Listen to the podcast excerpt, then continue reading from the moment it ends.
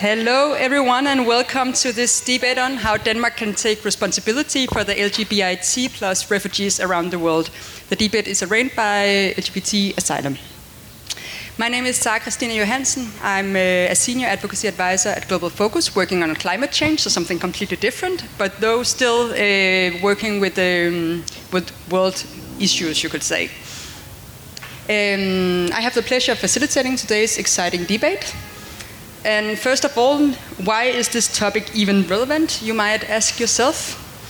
Well, within the last couple of years, I would say LGBT Asylum has received uh, quite many uh, inquiries from um, LGBT plus, uh, sorry, LGBTI plus people on refugees around the world who are seeking uh, asylum uh, or refugees in countries next to or close to their country of origin, what we in Denmark sometimes used to call nærområderne. And they have uh, fled due to their sexuality and all their gender identity. And their stories and cries for, and cries for help point to one thing, that LGBTI uh, plus refugees are not safe in the neighboring areas of the countries to which they have fled, uh, fled either. As one of them has stated, there simply isn't any safe option. So, what is the responsibility of Denmark in this matter? And how can we protect LGBTI plus refugees? Is uh, quota refugees a solution? And what else can we do? These are some of the questions we would address in this debate today. Thus, allow me to introduce our, our panel, uh, which will provide us both with insights and solutions. I hope. uh, first of all, we have uh, Helle Jacobsen, uh, Program Manager and for Gender, Women and LGBTI Rights in Amnesty International Denmark. We have Mads Ted Drud Jensen, Board Member and Spokesperson in LGBT Asylum. We have Anna Berg, LGBTQ and Gender uh, Equality Policy Advisor for the Red Green Alliance. Yes. And we have Astrid Aller, Member of Copenhagen City Council for the Socialist People's Party. Welcome, everyone. So we will start with a round of introductory remarks from the panelists, and then we will open up the floor uh, and online for questions. First, Helle, will you give us an overview of the current situation for LGBTI plus refugees around the world and what time of persecutions they flee from? The floor is yours. Thank you so much, and thank you for inviting Amnesty to be part of this really important uh, panel. So, Amnesty is a big uh, human rights organization, and some of the things that we do globally is to document human rights violations and abuses. Um, and that's also what I'm going to talk a little bit about today some of the things we have documented and some of the trends that we see globally at the moment uh, when it comes to LGBTI plus uh, persons. So, as always, uh, there is both uh, progress and backlashes when it comes uh, to this important topic. Um, but in a lot of places in the world, including Europe, I know you cannot seek asylum from an EU country to Denmark, but I'm still going to talk a little bit about Europe because we see some very worrying trends when it comes to LGBTI uh, people within Europe. But as we speak today, there is still more than 65 countries in the world that, in one way or the other, criminalizes LGBTI plus uh, persons' identity um, or relationships. Still, eight countries hold the death penalty for uh, being LGBTI plus person. Um, we see discrimination, persecution, and violence in all parts of the world, including um, Europe. Um, we have also seen some countries uh, in the recent years uh, decriminalize homosexuality. Um, but here, Amnesty's documentation shows that, of course, a law carries culture, um, but it takes decades to change attitudes uh, within a population. Um, so I, I will just give a few examples from different countries from the trends that we are seeing, but that doesn't mean that these are the only countries who have these uh, problems or violations. For example, in 2009, Angola decriminalized homosexuality. um, after a lot of debate and a lot of pressure from civil society, including LGBTI plus organizations. But still, up until today, Amnesty International documents violence and discrimination from both population and authorities against LGBTI um, persons. Re as recent as June, we got documentation for violent attacks on uh, trans women in Angola. So it's really important to see this from several sides because, of course, legislation is really important because that means that somehow you can hold uh, authorities uh, to account or at least try to do that. But in most cases, LGBTI plus uh, people face persecution and discrimination including violence from both populations and authorities, including uh, from their own families. Um, there are so many countries that I could uh, speak about, but I do want to say that also in Europe we see some really worrying trends going very fast in the wrong direction. Um, I'm sure you can all remember some years ago when we started hearing about the persecutions in Chechnya former member of the Soviet Union. Um, this is something that is still going on. LGBTI people are still facing violence in Chechnya. At that time, Amnesty asked the Danish government to support and uh, give refuge to some of these people. Unfortunately, we did not manage uh, to get them to do that. Um, other places in Europe, even within the EU, we see massive pushes in the wrong direction. For example, Poland declaring LGBTI free zones now in 80 municipalities and cities, but also other countries. Romania trying to narrow down the definition of marriage to only covering uh, men and women. Uh, and in a lot of other countries, we unfortunately see the same things. So we also have a government now that has made it clear that uh, supporting LGBTI plus persons and rights is a big priority for them uh, within both their foreign policy and their development policy. So of course we hope uh, that that will trickle down um, to other areas. The last thing I want to say is that um, it's really important also to create knowledge bo about both trans and intersex persons and about both uh, gender identity and sex characteristics um, as a means of, uh, of seeking asylum. Because what we see in a lot of the documentation we make is that um, these are groups of people that are especially vulnerable to to violent attacks uh, from both authorities and populations because their uh, gender expression often falls outside the norms, uh, gender norms. So, just uh, very important to look into these two specific groups. And also, what we see is that there is a huge lack of knowledge about trans uh, persons and intersex persons' rights, uh, even within our own uh, society. I mean, I could go on and on, but I think we should also let other people speak. So, thank you. Thank you, Helle. Next panelist is uh, who will tell us about the situation for LGBT plus uh, refugees around the world and also point to some of the solutions. Yes, hopefully.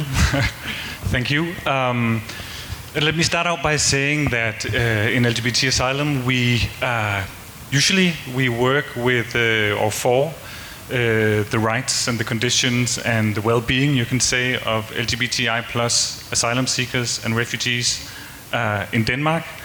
We provide various kinds of support and counseling and provide a social network, do various activities.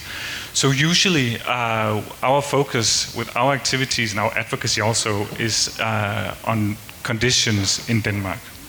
But at the same time, uh, we also experience, and we have experienced during the years, that many people they write to us uh, from around the world. Uh, LGBTI plus people or refugees, they uh, around the world, they Google find us or they search on Facebook or whatever, and they uh, write us uh, emails or on Messenger uh, where they tell about their desperate situation and where they um, ask us for help, basically. And there are, of course, limitations to what we can do. Uh, we can provide, you know, some comforting words and provide some counseling and advice. Um, but then some of them also say that, well, what you can also do is that you can uh, help us by uh, speaking our cause, creating awareness about our situation. Um, so we also try to do that, and that's also part of the background while we are having this debate today. Um, then we also have a political debate, and I've had it in the last few years uh, about you know that Denmark and other countries should mainly help refugees in the so-called nærområderne, the local areas, and neighboring areas to the countries refugees flee from. Uh, and we have had the discussion about uh, whether or not Denmark should receive uh, refugees um, via the, the UN resettlement program, quota flygtninge, quota refugees.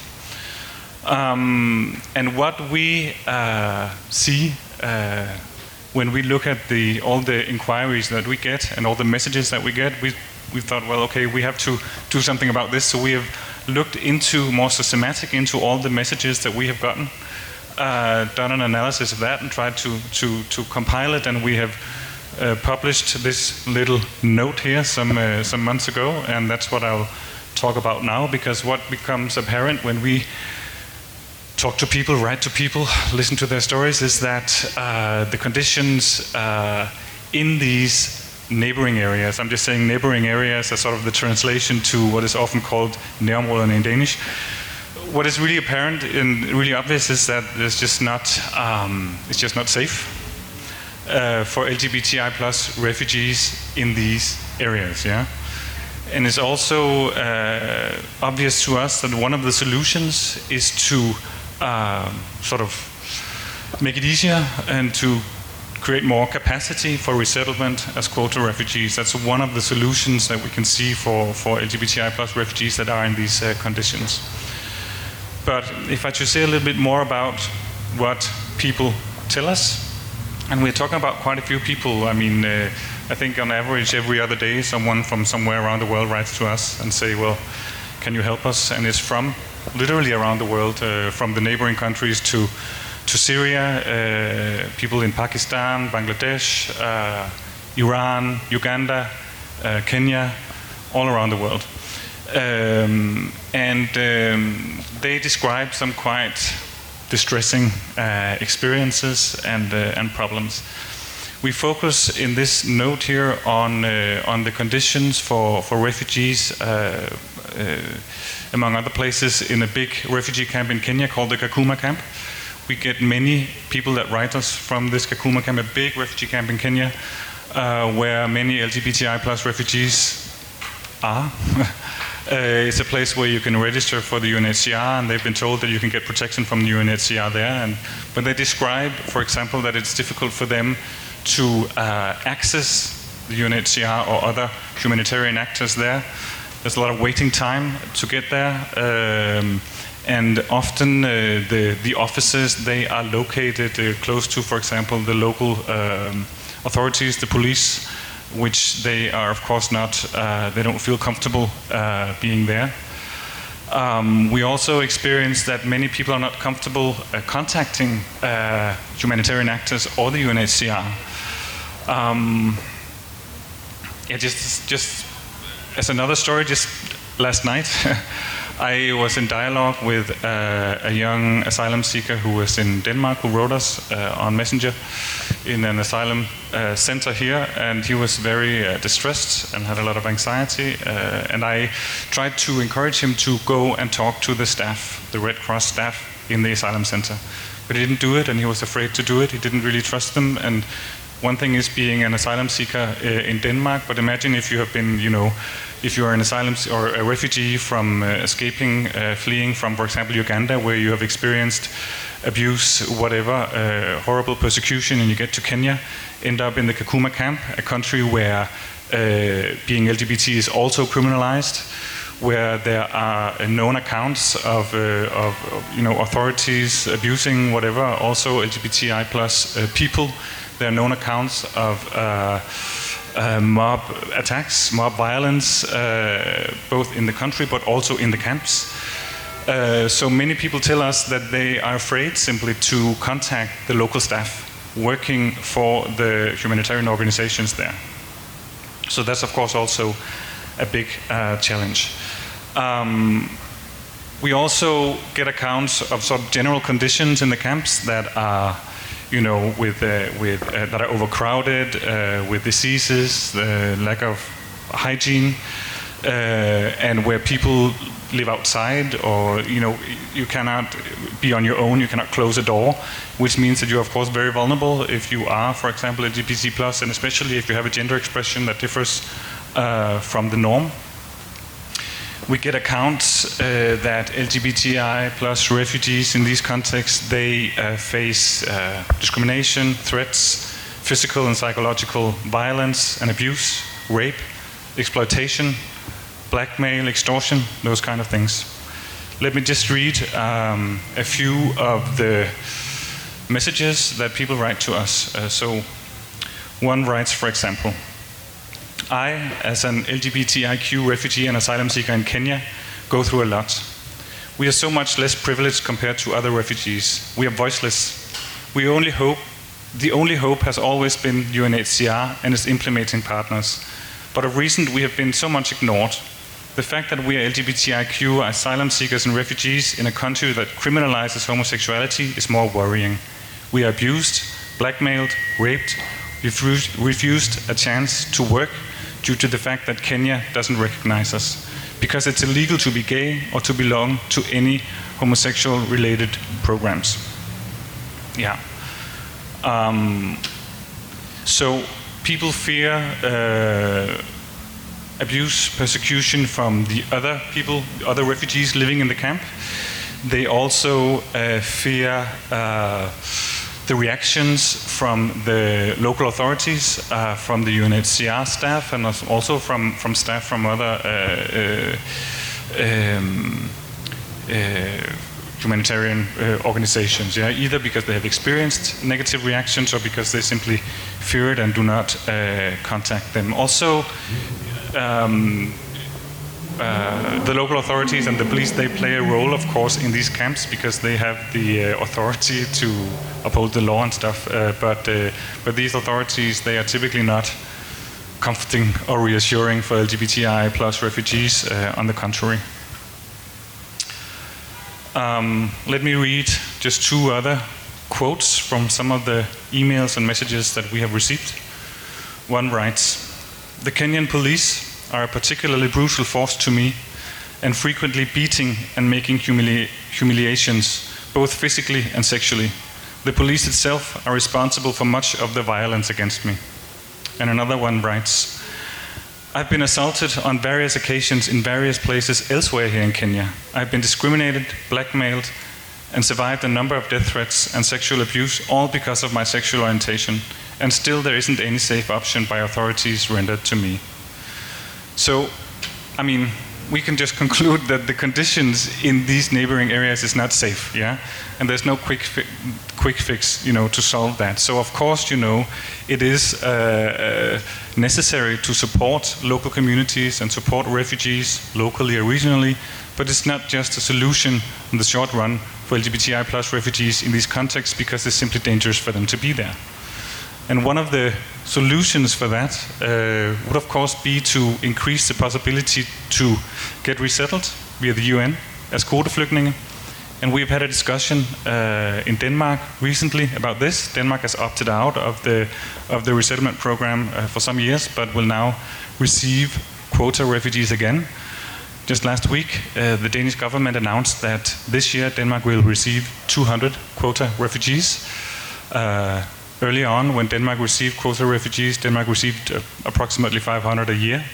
And that's, of course, a step in a negative direction uh, that you don't take on responsibility for what is happening. So, we, of course, think that there's a much bigger need to include um, uh, or to receive more quota refugees. And we also think it would be important to um, to remember uh, the specifically vulnerable situation for LGBTI plus refugees in these contexts, um, and to also remember LGBTI plus refugees uh, as one of the groups that should also be included in the quota that uh, Denmark uh, will receive. Yeah, yeah. I think that was my opening here.